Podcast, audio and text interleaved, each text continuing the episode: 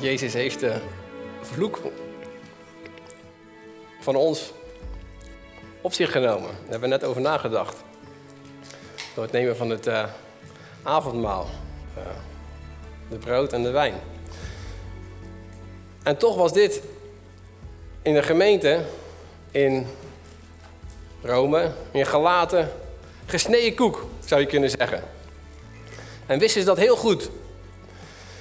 En toch kwam er een moment waarin ze dachten van ja, is dat nou eigenlijk wel zo? Je hebt van die momenten waarin je dan opeens kan gaan, uh, kan gaan twijfelen. Dat je denkt van, ja, dat is wel heel erg, dat is wel heel erg goed. Hè? Dus uh, ja, als Jezus de wet heeft vervuld, kan de wet mij dan helemaal niet redden? Hm? En ik heb gemeend dat, uh, deze, dat het goed is om deze vraag een keertje te stellen, om naar de Bijbel te kijken en te gaan kijken waar daar iets over staat van of de wet ons nou wel of niet kan redden. En waartoe de wet dan uiteindelijk wel gegeven is. Um, ik heb daar in mijn eigen leven ontzettend lang mee geworsteld op een of andere manier. Van, ja, wet. Ja, wij zijn toch een genadekerk, ja, alleen genade. Maar wat moet je dan uiteindelijk met die wet? De Bijbel zegt er zoveel over. En ik was op een bepaald moment ook enorm uh, uh, confused. Dat ik dacht van, ja, weet je, uh, wat betekent dat dan uiteindelijk? Wat, wat, wat, zegt de Bijbel daar nou überhaupt over? En is die wet dan helemaal niks? wat stelt het dan überhaupt voor? En ik denk dat de gemeente in Galaten en de gemeente in Rome eigenlijk diezelfde vraag hadden. En dat Paulus toch meende van, ik moet die mensen toch een keer een brief gaan, uh, gaan schrijven om te zeggen wat die wet dan uiteindelijk wel is. En ik denk dat dat voor ons ook allemaal heel goed te weten, uh, heel goed is om te weten wat die wet nou uiteindelijk is en waar die uiteindelijk toegegeven is. Met welk doel? Want als we dat niet weten, kunnen we ook niet volledig in die genade leven en in die genade wandelen. En kunnen we de genade ook niet begrijpen. Zonder wet kan je de genade niet begrijpen. Dat is onmogelijk. Maar wanneer je de wet begrijpt, ga je ook de genade begrijpen. En dan ga je tot een diepere overtuiging komen in jezelf, in je geest, wat het, wat het is. En ga je ja, echt groeien in geloof. Ik, uit mijn eigen leven zeggen, toen ik dat uiteindelijk, toen dat puzzelstukje, zeg maar, op zijn plek viel, maakte ik tien keer zoveel stappen in tien keer zo'n kortere tijd dan al die jaren daarvoor. En uh, ik denk dat het ook heel goed is hè, om, om, daar een keer bij, uh, om daar een keer bij stil te staan met z'n, uh, met allen. En nou, het thema van de preken kan de wet mee redden. Zijn heel mooie, leuk plaatjes erbij uitgekozen. Een, een hek, daar denken we toch een beetje aan. Wij borders, grenzen. Grenzen moeten er toch zijn.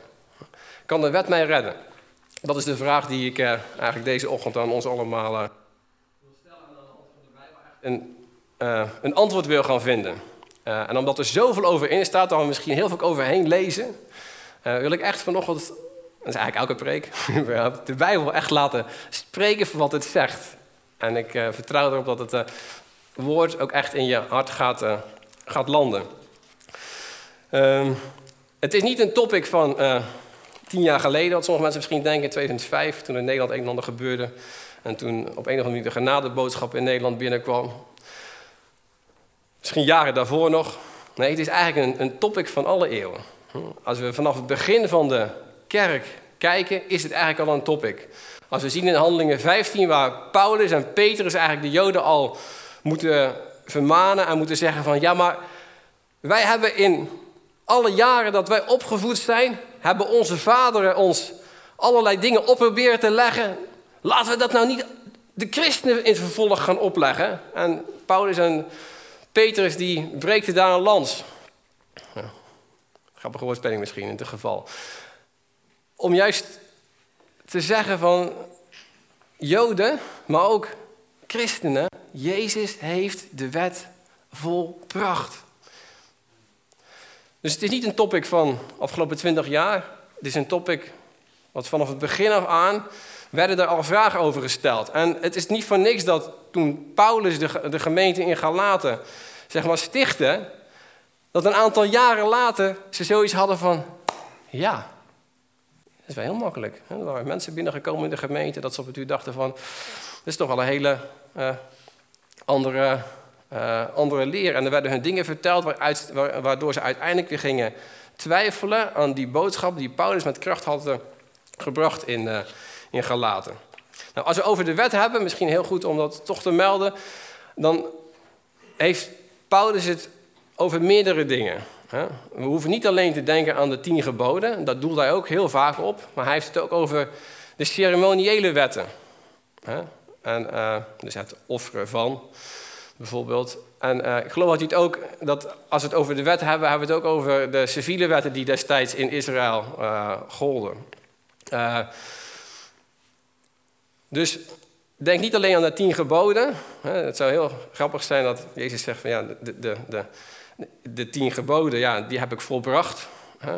Maar uiteindelijk, ja, die ceremoniële wetten, dat het offeren, dat moet toch nog wel gebeuren. Dus dat zou niet consistent zijn. Dus de wet is het hele, alles omvattende pakket. Um,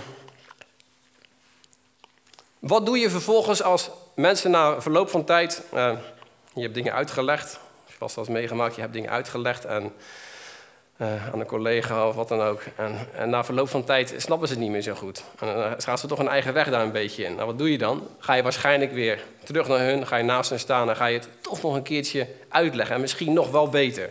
En dat is denk ik ook wat, uh, wat Paulus deed aan de gemeente in Galaten toen ze een, een tijdje op weg waren en uiteindelijk toch weer een beetje afdwaalden.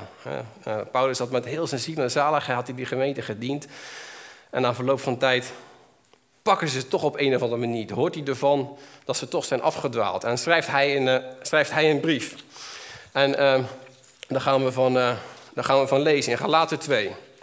En dan maakt hij eigenlijk gelijk een heel eenvoudig, simpel, maar recht door zee statement. Dat de wet ons niet kan rechtvaardigen. Galaten 2. Wij die van nature Joden zijn en geen zondaars uit de heidenen, weten dat de mens niet gerechtvaardigd wordt uit werken van de wet maar door het geloof in Jezus Christus. En ook wij zijn in Christus Jezus gaan geloven, opdat wij gerechtvaardigd zouden worden uit het geloof van Christus. En niet uit werken van de wet. Immers, uit werken van de wet wordt geen vlees gerechtvaardigd. Nou, hier, zou, hier, zou Paulus een brief wel gestopt kunnen hebben. Want uh, uiteindelijk, ja. Uit werken van de wet wordt niemand gerechtvaardigd. Uit werken van de wet wordt niemand, nee, Echt niet één. Niemand gered. Helemaal niemand. En uh, nou, blijkbaar was het nodig voor hem om uh, nog een keertje te herhalen aan, uh, aan de mensen in, uh, in Galaten, waar hij jaren daarvoor was, was geweest. Ehm, maar dan vraag je je waarschijnlijk ook af van, ja, wat doet de wet dan uiteindelijk, wat doet de wet dan uiteindelijk wel? De wet maakt je toch een, ja, toch een soort van beter mens. Huh? Ja, nu lachen jullie. Maar dat is wel wat heel veel mensen denken. De wet. Want dan heb je toch een meetlat. Dan heb je toch een measure. Dan heb je toch ja, duidelijkheid. We willen, toch, we willen toch ook duidelijkheid. Wat mag nou wel? Wat mag nou niet? Aan een kind geef je grenzen. Stel je grenzen. Maar als jouw kind 20 is en je zegt nog steeds dezelfde dingen tegen dat kind. Ja, ik weet niet hoe je avonden dan uit gaan zien, maar dat is niet gezellig, dat is niet gezellig. Hè? Dus dan heb je zelf waarschijnlijk, de dingen moet je hun al geleerd hebben. Voorzichtig zijn. Uh, nou, zal het zijn? 12, 13. En juist toch daarvoor, maar na, hun 12 en 13 jaar is het, leerproces eigenlijk al voorbij. Hè? De energie die je daarvoor in, eh, in een kind hebt gestoken, die, die, die betaalt zich daarna terug. Um, ja, ja, ja, ja. Praat er nog een keer over tien jaar de meisje gegaan. maar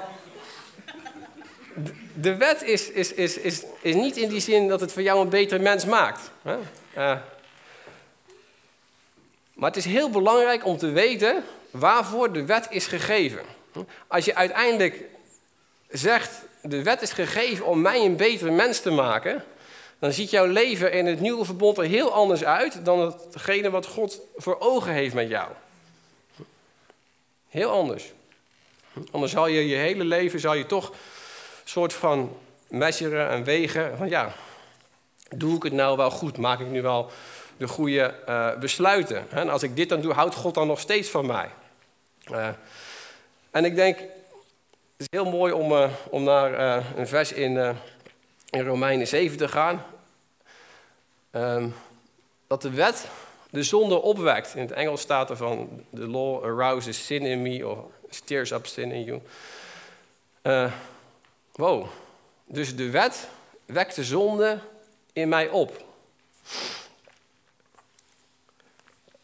Stel je denkt de hele dag: ik mag niet begeren. Dan kom je buiten zie je dingen. Het eerste wat je doet, is uiteindelijk begeren. Je kan mensen zien, je kan een mooie auto zien, of wat dan ook. Maar je zou uiteindelijk gedachten zou je hebben waar je van denkt van ja, nee, dat is eigenlijk niet zo heel goed. En uh, David had een tijdje terug al een heel mooi beeld gebruikt. Ik had eerst een stokje daarvoor, maar ik dacht, dit is inderdaad wel goed. Hè? Dit is een, uh, een meetlat, een measure. Uh, en hier kunnen we meten. Oh. David heeft ook gezegd van, we kunnen alles wat we doen langs een bepaalde meetlat leggen. Hè? En dat doen we ook heel vaak bij elkaar. Maar het is eigenlijk zo, want jullie dachten van waarom heeft Johannes nou dit ding meegenomen? Kijk, wat gebeurt er wanneer we hier iets in doen? Het is best mooi water, hè? Niet perfect, maar het is redelijk. Als, als ik dit heen en weer ga doen, dat doet de wet, hè? Als ik dit heen en weer ga doen, komt er allerlei troep naar boven. En dat is eigenlijk, Paulus zegt, dat is eigenlijk wat de wet doet. Als wij zo gaan leven dat we.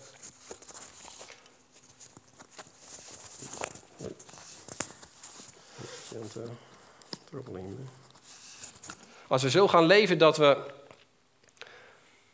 alles probeert te spiegelen aan de wet. Hè, en uh, van alles leefregels maken. Uh, uiteindelijk denken dat God ook zo naar ons kijkt. Hè. Wat is het gevolg daar uiteindelijk daarvan? Dan wordt, dan wordt je leven er niet mooier op. Dan ga je jezelf niet mooier zien. Nee, je gaat juist uiteindelijk de troep zien in je leven. Daarom is het ook zo belangrijk waar we ons als mensen mee voeden, mee vullen. Je kan heel veel dingen luisteren, je kan heel veel dingen horen die je in de put praten. Hm? Dat is eigenlijk dingen die hierover gaan. Van je voldoet er niet aan, je bent niet goed genoeg. Maar je kan ook dingen horen, dingen luisteren die je geloof opbouwen. En dat zijn de dingen die jou uit de put praten. Want zo zijn we van natuur allemaal. Daar zijn we van natuur allemaal mee bezig. Maar God wil juist onze geest vernieuwen. Dat we daar in onze gedachten niet mee bezig zijn. Dat we weten dat we een tien zijn. Dat we weten dat we perfect zijn. Dat we weten dat Jezus alles heeft gedaan aan het kruis. En alles heeft volbracht.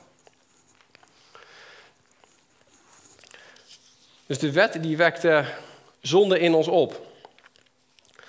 En de wet die brengt dus onvrede, angst, schuld, schaamte.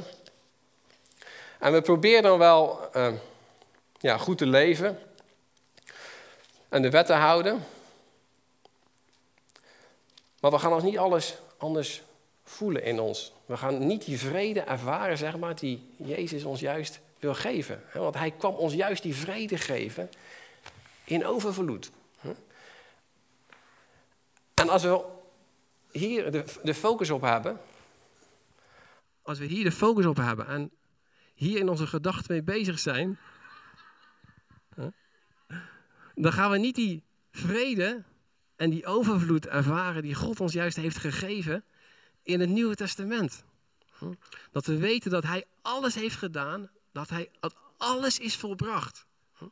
Hoe interpreteren wij de woorden van Jezus toen Hij zei, alles is volbracht. Alles is volbracht. Toen zei het is volbracht. Was toen de helft volbracht? Was toen het volledige pakket volbracht? Of moesten wij nog dingen doen? Alles, het is. Met wat ik nu heb gedaan, zegt Jezus, is het helemaal volbracht. Maar we kunnen soms ook proberen om toch die vrede, ik noem het allemaal surrogaatvrede, toch op een of andere manier te krijgen. Want we willen toch die vrede die God ons geeft, die, die, waarin we wel geloven dat God ons die vrede wil geven, willen we uiteindelijk door zelf dingen te doen, willen die vrede bewerken. We willen door goed te leven, goede keuzes te maken. We willen door uh, bij te dragen uh, aan de gemeente. Kunnen soms misschien helemaal wild gaan in allerlei taken in de gemeente, want dan doen we toch dingen voor God. Hè? Nou, zo denkt God er echt niet over. God is gelukkig een God die holistisch denkt. Die niet denkt van, hier hebben we werk, hier hebben we ook nog kerk, hier hebben we ook nog gezin. Nou, en um, ja, die kerk, want dat is kerk equals God. Kerk is God. Ah, in de kerk, daar moet je toch wel dingen doen. Hè? En dan, soms proberen we misschien wel ons eigen geweten een beetje te sussen en toch proberen in die volheid en in die vrede te komen door ons op bepaalde dingen zeg maar, te storten. Maar die vrede die ligt er al, die vrede is er al, die vrede ligt er eigenlijk voor het oprapen voor ons. God wil dat ons denken wordt vernieuwd. En niet dat we gefocust zijn op de, op de wet. Hij wil ook dat je weet dat het betekent wat het is. Hè? Toen hij zei, het is volbracht. Dat je weet, dat is, dat is ook voor mij. Wat hij allemaal heeft gedaan. Hij heeft de vloek heeft hij op zich genomen. Hm?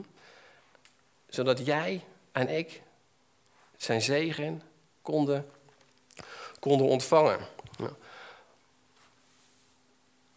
Maar als we dan op de wet gefocust zijn, als we dan daar in onze gedachten mee bezig zijn en denken dat God ook zo naar ons kijkt, wat heeft het dan voor gevolgen? In onze leden werkzaam. Want toen wij in het vlees waren, waren de hartstochten van de zonde die geprikkeld worden door de wet in onze leden werkzaam om vrucht te dragen voor de dood.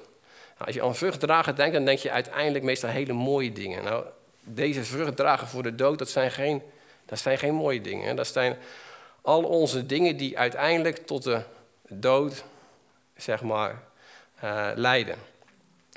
Maar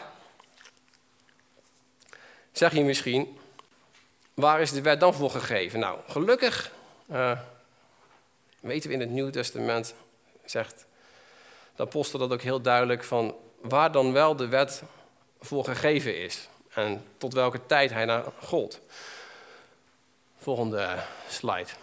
Um, de wet is als een tuchtmeester. Nou, als je tucht, dat vinden wij in Nederlandse taal niet zo'n heel mooi woord.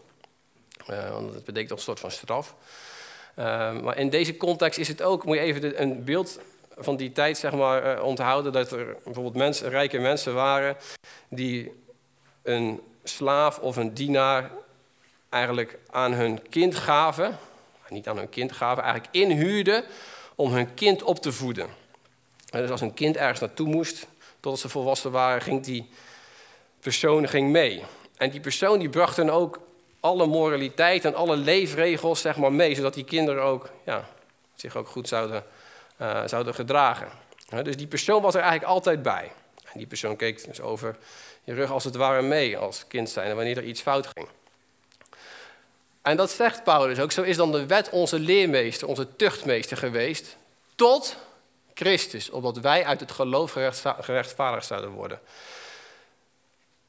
Dus hier zegt hij ook weer opnieuw: nee, het is niet de wet die ons rechtvaardigt. Het is juist het geloof in Jezus Christus, waardoor wij gerechtvaardigd kunnen worden. Als wij onszelf lang deze measure leggen, dan voldoen we daar nooit aan.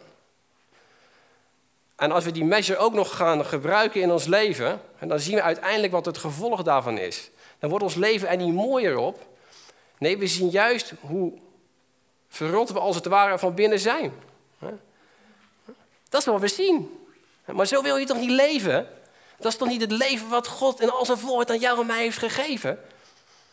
Hij heeft veel meer gegeven dan dat. Want als wij weten wat Jezus voor ons heeft gedaan, en, die, en hij niet op die manier naar ons kijkt, dan verandert ons perspectief van wie God is. En dit is een punt waar heel veel mensen soms mee struggelen. Want in het Nieuwe Testament, in het Nieuwe Verbond, zien zij als het ware God als een tuchtmeester. Als iemand die uit de hemel op je kijkt of over je schouder. En ja, hij woont er wel in mij, maar ja, hij, hij is er dan wel bij. Hij ziet alles wat ik doe. En, en, en waardoor er een soort van angst wordt gecreëerd. Een angst in mensen komt die ze eigenlijk uh, weerspiegelen op het godsbeeld wat ze hebben. En daar word je niet blij van. Zo ga jij nooit de God van de Bijbel leren zien en nooit leren kennen.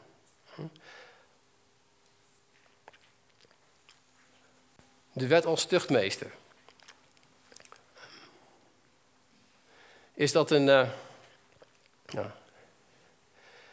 Is dat misschien hoe je, Jezus, hoe je God hebt gezien? Misschien iets van het verleden? Of is het nog steeds iets waar je mee worstelt? De Bijbel zegt, die tuchtmeester was niet, is niet voor nu meer. Nee, die tuchtmeester is tot Christus. Dus we hoeven ook niet op die manier te denken van... alles wordt langs een meetlat gelegd. Voldoen we hier wel aan? Zijn we hier wel, zijn we wel goed genoeg? Nee, dat is niet hoe God naar jou en mij kijkt. Hm? God kijkt door Jezus Christus naar jou heen. En dat is het ook, de wet tot Christus. Je kan je misschien afvragen, waarom stellen mensen zich er onder de wet? Net gezegd, hè? veiligheid en, en duidelijkheid. Maar God heeft het in het Nieuwe Testament, in het Nieuwe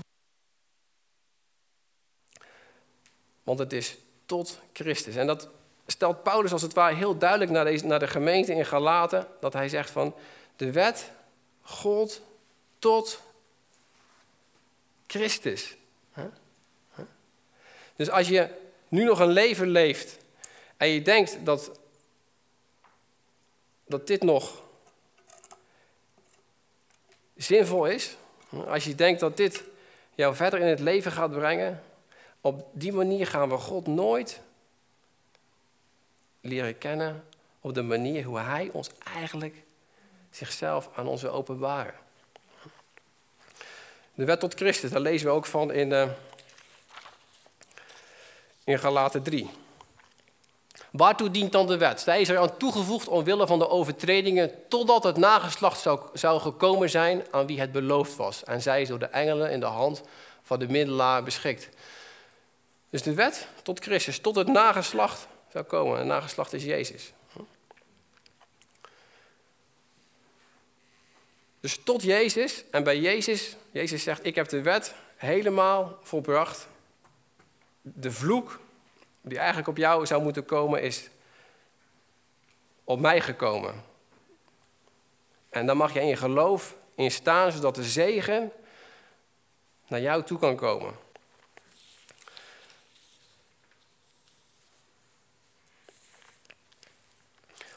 Maar nu denk je misschien, ja weet je, als ik naar de wet kijk, dan vind ik dat best een goede spiegel. Hm? Ik vind het best een, ja, het is toch iets praktisch. Het is toch heel makkelijk hè, als, ik, als ik daarna kijk. En, en dan denk ik ook wel eens bij mezelf, ja, ja, tien dingen die je eigenlijk niet moet doen. En eigenlijk, ja, ik heb ook eigenlijk helemaal niet het idee dat ik, dat ik het niet, dat ik het... Uh, dat ik het uh, allemaal uh, verbreek. In een aantal ben ik best wel goed. Daar ben ik ook wel in gegroeid. En, uh, maar om die hoogmoed bij ons weg te halen en toch te denken dat we het kunnen doen, maakt Paulus en Jacobus eigenlijk eenzelfde statement. Waarin hij zegt, als je denkt dat je de wet kan houden, en maar op één puntje tekort schiet, heb je de hele wet gebroken.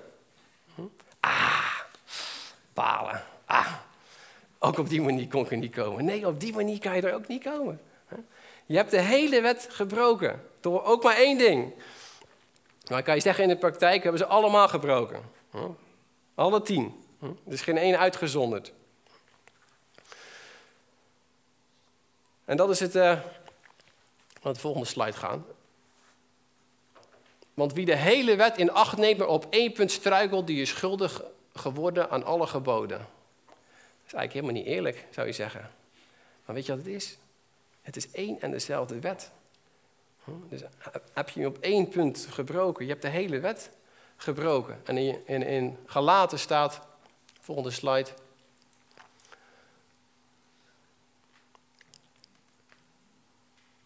Uh, ja.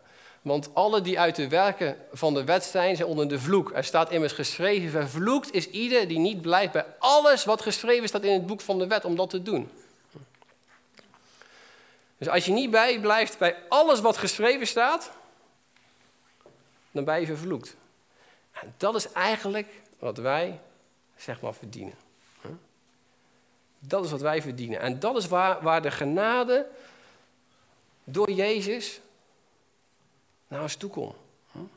We moeten weten wat we eigenlijk verdienen om nog meer de genade te omarmen en nog meer te weten en te ervaren en, en te zien van dit is wat Jezus voor mij heeft gedaan.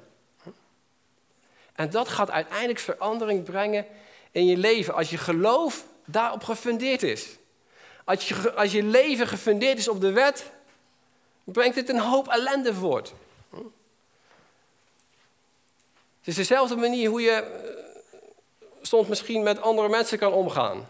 Als je daar slechte dingen tegen zegt, zodat ze uiteindelijk tot verandering gaan komen, gaat het waarschijnlijk niet gebeuren. Maar breng je het op een manier in liefde en genade, dat je het beste met hun voor, dan zie je, hey, daar veranderen mensen van. En uh, dat, is, dat is denk ik ook wat, uh, wat, wat God ons wil laten zien. Hè? Het einddoel van de wet, volgende, volgende slide, het einddoel van de wet is Christus. Vond ik voor mezelf een hele openbaring toen ik dat las. Ik dacht van, ah wow, het staat er eigenlijk nog ook. Hè? Met, andere woorden, als we niet, als we niet bij Jezus terechtkomen door de wet, dan hebben we de boot helemaal gemist. Helemaal gemist. Kan je het je voorstellen?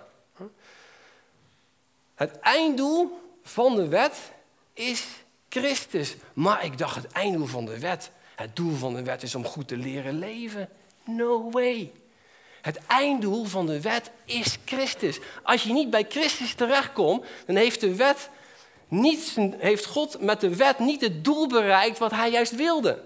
Het einddoel van de wet is Christus. En dat is heel mooi als we naar Jezus kijken in de, in de evangelie, dan probeert hij dat ook zo te brengen naar de mensen. En dan, op het moment dat ze dachten van ik kan alles al, legt hij de lat nog een stukje hoger, zodat ze uiteindelijk echt zullen zien van nee maar ik kan het echt niet, ik ben echt niet goed uit mezelf.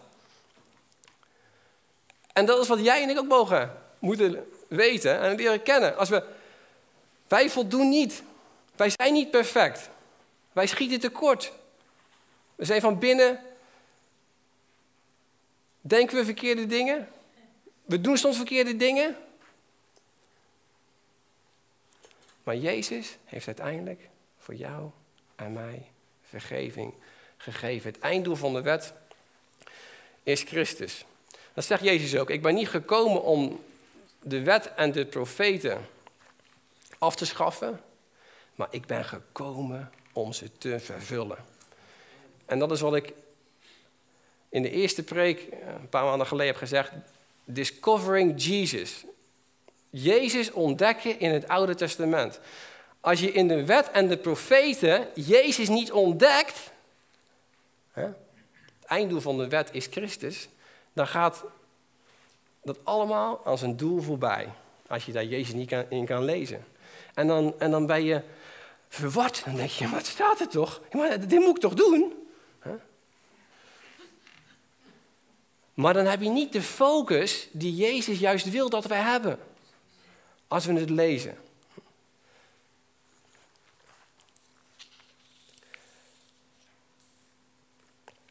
Is ook heel vaak wanneer mensen soms tot geloof komen, helemaal bewust van het feit, ik heb een redder nodig. Een beetje in, in Galaten. En Jezus hebben aangenomen zijn gaan groeien in hun geloof. En op een duur wordt toch op een of andere manier weer een soort van de wet weer geïntroduceerd. Zodat mensen, ja, ik zeg het wel eens, gaan doen aan, gaan doen aan sinmanagement. En naar binnen gaan kijken. In plaats van te zien waar, waar, waar God hun heeft van, van verlost heeft. Door wat Jezus heeft gedaan. Gaan ze zien in waar ze allemaal tekortschieten. Nou, en als je ziet waarin je tekortschiet, ga je uiteindelijk in de praktijk alleen nog meer tekortschieten. Een heel mooie uh, Bijbelvers is het volgende. Christus heeft ons vrijgekocht van de vloek van de wet door voor ons een vloek te worden. Want er staat geschreven, vervloekt is ieder die aan het hout hangt. Dus jij en ik zijn verlost. Jij en ik zijn gered. Jij en ik zijn vrijgekocht. Jezus heeft de prijs betaald die jij en ik eigenlijk hadden moeten betalen. En nooit hadden kunnen betalen. En hij heeft die betaald in jou en mijn plaats. Dat betekent vrijkopen.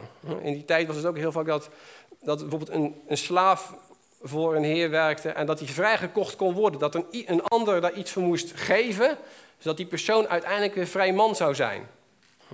En zo is het ook wanneer Jezus ons vrijgekocht heeft. Vrijgekocht van de vloek van de wet. Van de schuld die eigenlijk op ons ligt. Het oordeel wat jou en mij eigenlijk toekomt. Hij zegt, ik heb je daarvan helemaal verlost. Ik heb je daar helemaal van vrij gepleit. De wet, de spiegel. En dan is de vraag aan jou en mij, als we naar het volgende vers gaan, Romeinen 6, vers 14. Staat de zonde zal over u niet heersen. U bent namelijk niet onder de wet, maar onder de genade. Uiteindelijk proberen we allemaal in het leven op een of andere manier van onze ellende, ellende af te komen. En daar op een of andere manier af te rekenen. En heel veel mensen proberen het zo. Proberen in hun eigen leven te gaan kijken en proberen af te rekenen met de zonde en denken van ja, ik moet dit nog ietsje beter doen en dat nog ietsje beter doen. En uh, nou, ik moet daar mezelf nog eens een keer in evalueren. En, maar dat brengt je nooit bij datgene wat de redding wat de genade van Jezus jou en mij kan brengen. Ik vind dit zo'n geweldig vers. Toen ik het eenmaal had gelezen een paar jaar geleden, dacht ik, oh, wauw. Dit is echt zo'n mooi statement, zo'n bijzonder. Want de zonde zal over u niet heersen. U bent namelijk niet onder de wet, maar onder de genade. Dus wanneer gaat de zonde over jou heersen? Als jij je weer zelf stelt onder die wet. Maar dat is toch wel heel makkelijk. Daar gaan we het een paar weken nog over hebben. Over allerlei misverstanden die er zijn over wet en genade. Maar het is juist de kracht van het evangelie. Het is juist de kracht wanneer we in het geloof die genade hebben gepakt. Dat we loskomen van zoveel dingen waar we nu in de praktijk van alle dag mee worstelen. Want dan kan Jezus jou en mij van binnen gaan vernieuwen. Maar die vergeving, no condemnation, dat geen oordeel, ligt er aan de grondslag. Je kan nooit onder oordeel zijn om uiteindelijk verandering te gaan zien in je eigen leven. En dit is, heeft allemaal te maken met een, met een, uh, met een uh, ja, zeggen, ook, ook, een state of mind. Hè? Je moet veranderd worden in je denken, te weten dat de wet jou niet vrij gaat kopen. Maar dat de wet er ook niet voor gegeven is. Laten we die vergissing nooit meer maken. Hè? Want we denken heel vaak dat de wet jou en mij gaat veranderen van binnen. Maar dat doet hij niet. Daar is hij ook niet om gegeven. Dus als we naar het Oude Testament kijken. En als we dingen lezen, gaat dan ook niet denken van, dit is wat God juist als het ware uh, van mij wil, zodat ik hierdoor gered word. Nee, nee, absoluut niet. Door de wet kunnen we onze redding niet verdienen. De fout die de fariseeën als het ware maakten. Wij kunnen dat niet. De wet mag je bij Christus brengen en te weten dat Hij alles heeft volbracht. En dan zal de zonde niet meer over jou en mij heersen. Je bent niet onder de wet, Je bent onder de genade. En als je onder de genade bent, dan heerst de zonde niet meer over je. Weet je, dat zegt iets over wie je bent in Christus, over jouw identiteit. Die identiteit die is wie jij bent, voor de volle 100%. En Jezus heeft jou binnenuit, van binnen veranderd. Zullen we bidden met elkaar dat we ook echt mogen, steeds meer en meer mogen gaan zien. En ook steeds meer mogen gaan, uh, gaan begrijpen. En ook in al zijn volheid gewoon lekker mogen ja, ontvangen. Heer, dank u wel dat u degene bent die ons heeft verlost. Heer, van de vloek van de wet. Heer, door voor ons te sterven. Maar uiteindelijk, Heer, u bent opgestaan uit de dood. En Heer, we danken u, Heer. We danken u daar zo ontzettend voor. We willen meer en meer van u gaan zien in ons leven. We willen meer en meer gaan zien van datgene wat u ons wilt geven, Heer. We willen u danken, Heer, dat we onder de genade mogen leven. We willen u danken dat we van uw goedheid iedere dag mogen, mogen ontvangen. Dat uw goedheid ons ook van binnen verandert, Heer, wanneer we daarvan ja, ontvangen. En Heer, daar mogen we ook op dit moment van ontvangen. Heer, we zijn niet meer onder de wet, maar onder de genade. En daardoor mogen we weten, in, in een geloof mogen we daarop staan, dat de zonde niet meer langer over ons heerst. Heer, we willen u danken, Heer, dat we de oplossing niet in de wet hoeven te zoeken. Heer, maar dat we de oplossing al hebben ontvangen in datgene wat Jezus heeft gedaan. En dat mogen we deze ochtend mogen ook ontvangen. Ontvang het in Jezus' naam.